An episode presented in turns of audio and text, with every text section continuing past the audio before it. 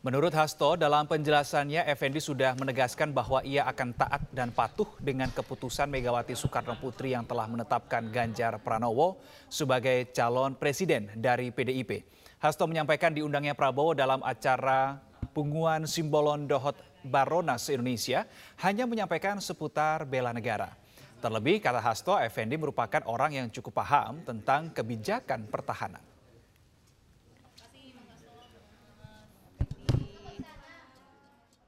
karena sebagai tuan rumah di dalam pelaksanaan kongres uh, tersebut ya, rakernas ya dari keluarga uh, Simbolon sedunia ya di situ sebagai tuan rumah kan memberikan uh, puji-pujian ya kepada seluruh tamu yang datang. Kan tamu yang datang tidak mungkin dikritik di depan umum kan tidak mungkin. Jadi telah dilakukan klarifikasi. Buktinya tadi di dalam pembahasan kebijakan pertahanan Pak Effendi Simbolon juga bersifat objektif dan juga menegaskan bahwa kebijakan pengadaan Miraj pesawat bekas tersebut itu tidak tepat dan bahkan berpotensi melanggar uh,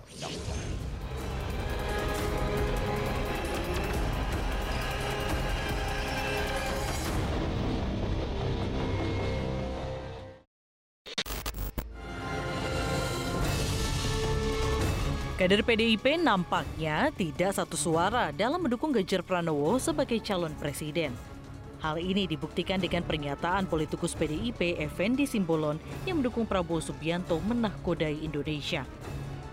Gara-gara pernyataannya itu membuat PDIP gerah dan mengharuskan Simbolon menanggung risiko di sidang oleh Dewan Kehormatan PDIP. Prabowo sebagai capres yang didukungnya itu ternyata tidak peduli dengan nasib Simbolon. Menurutnya, ia tak mau ikut campur akan hal tersebut. Ya, saya kan diundang acara apa ya, acara kebudayaan, acara adat. Ya, saya saya harus hormati orang yang undang, kan begitu. Kalau bisa, ya. Jadi, ya, itu itu urusan bukan urusan saya, ya. Oke. Sebelumnya, Prabowo hadir dalam acara Rakernas Marga Pungguan Simbolon Dohot Boruna Indonesia PSBI di Jakarta Jumat 7 Juli lalu. Prabowo datang sebagai tamu kehormatan. Sebagai ketua PSBI, Effendi Simbolon memberikan pujian setinggi-tingginya kepada Prabowo dan menyebut cocok menahkodai Indonesia. Saya secara jujur berharap Indonesia dinahkodai oleh pemimpin yang punya kehandalan. Otherwise kita akan menjadi porak-poranda kok. Negara yang tadi disampaikan oleh Pak Prabowo begitu besarnya aset bangsa, aset negara, aktiva negara. Tapi kemudian kita tidak mampu mengoptimalkan itu menjadi sesuatu yang bermanfaat. Objektif, saya melihat figur itu ada di Pak Prabowo. Saya nggak ingin membanding-bandingkannya.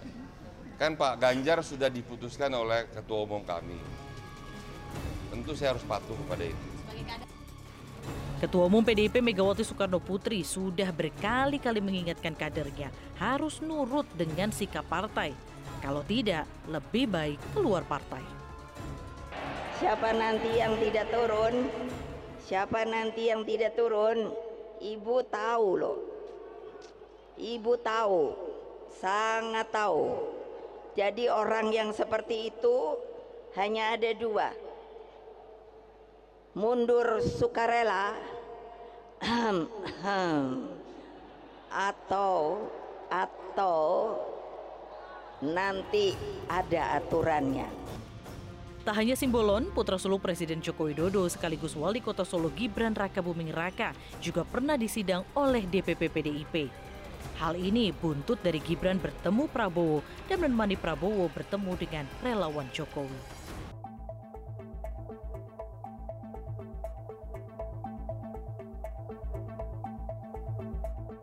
Selain kasus penodaan agama yang dilakukan pemimpin Pondok Pesantren Al Zaitun Panji Gumilang, dugaan keterkaitan Ponpes Al Zaitun dengan negara Islam Indonesia, Komandemen Wilayah 9 juga semakin menguat.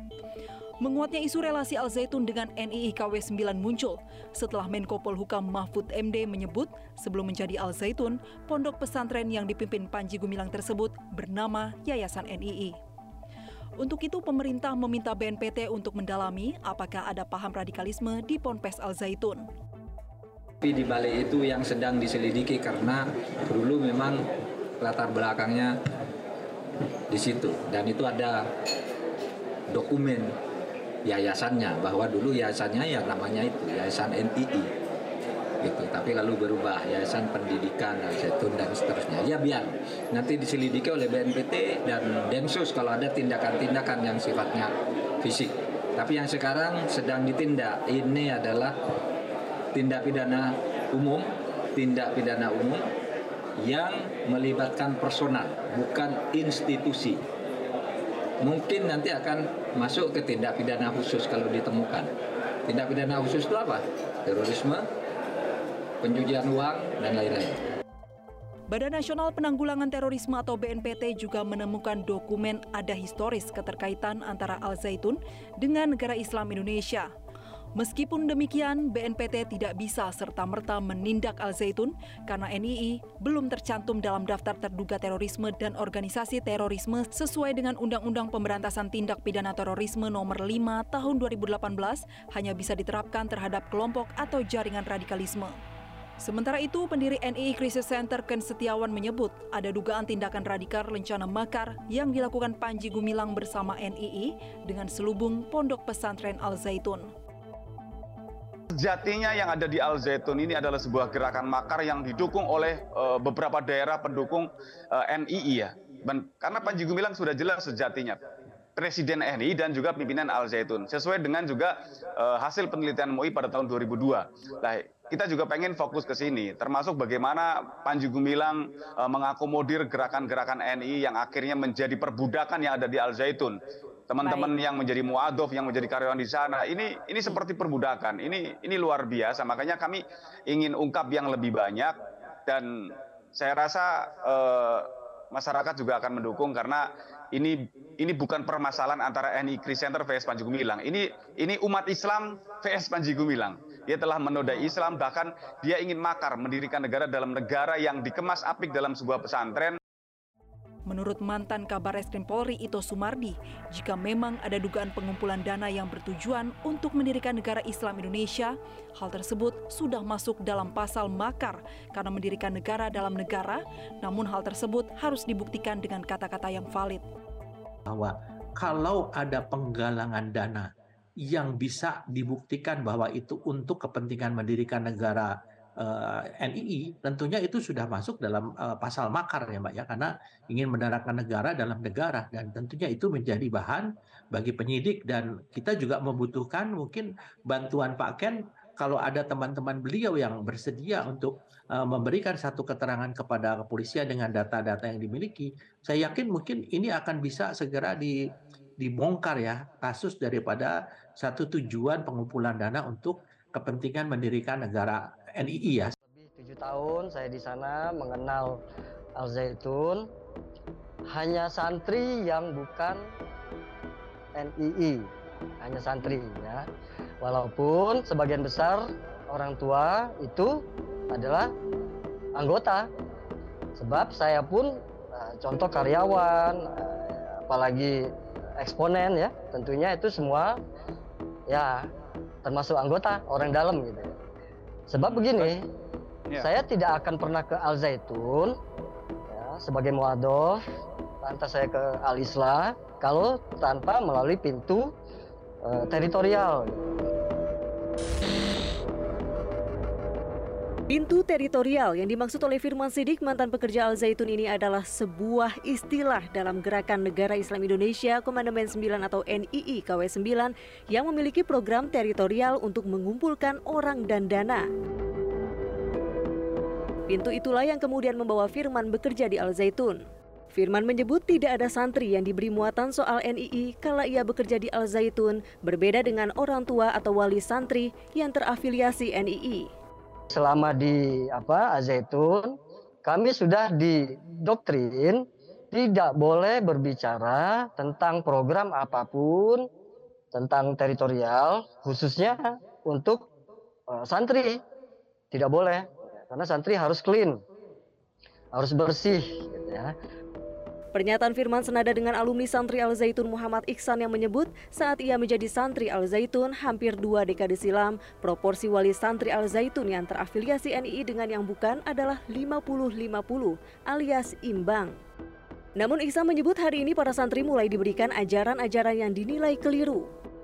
Kita tuh belajar formal, kurikulumnya sesuai dengan apa yang direkomendasikan oleh Kemenak. Hmm jadi apa pun yang ada di dalam lingkungan santri itu tidak terkait dengan apa yang dikatakan NII. Jadi hmm. tidak aneh, tidak ada yang aneh kayak gitu. Hmm. Kita dalam menjalankan ibadah sehari-hari semuanya itu sesuai dengan syariat Islam. Tetapi hari ini udah terlibat santri. Karena apa? Uh, ini datanya Anda dapat dari mana nih? Karena ada di, di YouTube-nya uh, official YouTube dari oh, Al-Zaitun sendiri. Kan, langsung ya? Uh, yaitu adalah santri disuruh jadi khotib khutbahnya itu membaca kola Rasulullah fil Quranil Karim hmm. kayak gitu mengatakan bahwa Al-Quran itu perkataannya Rasul itu hmm. itu keliru gitu hmm. kalau menurut pendapat beberapa ulama apa ulama kayak gitu hmm. Hmm. jadi hari ini ternyata udah diaplikasikan ke santri gitu Eksistensi Al Zaitun saat ini disebut sebagai tameng untuk menyembunyikan ajaran NII. Kali ini Ihsan dan Firman sedikit tidak satu frekuensi santri atau pesantren Al Zaitun sebagai pendidikan formal hmm. itu adalah tameng, Mas. Tameng untuk? Tameng untuk menyembunyikan sesuatu yang tadi itu. Hmm. Mereka karena mereka itu tidak ada di dalam komplek Mahat Al Zaitun. Mereka itu siapa? Mereka yang disebut NII, mereka yang hmm, disebut ya, ya. MIM, mereka yang disebut Jamas ya kan mereka bajunya ganti-ganti terus namanya. Ya. Kalau masalah uh, tameng, bahasa yang lebih tepat mungkin ini saya perhalus sedikit gitu ya. ya. Mungkin uh, kaderisasi untuk masa depan. Nah, gitu ya. Hasil-hasilnya aja gitu, buah-buahnya. Karena kan akar batang pohon. Nah, akarnya itu ya kita-kita yang di teritorial, ya kan? Batangnya dan buah-buahnya itu nanti ya itu Panji Gumilang pernah diperiksa soal keterkaitannya dengan NII pada 2011 silam, tapi pria yang juga dikenal bernama Abu Toto ini juga tidak pernah benar-benar didakwa. Panji justru dijebloskan ke Bui pada 2015 karena kasus dokumen palsu.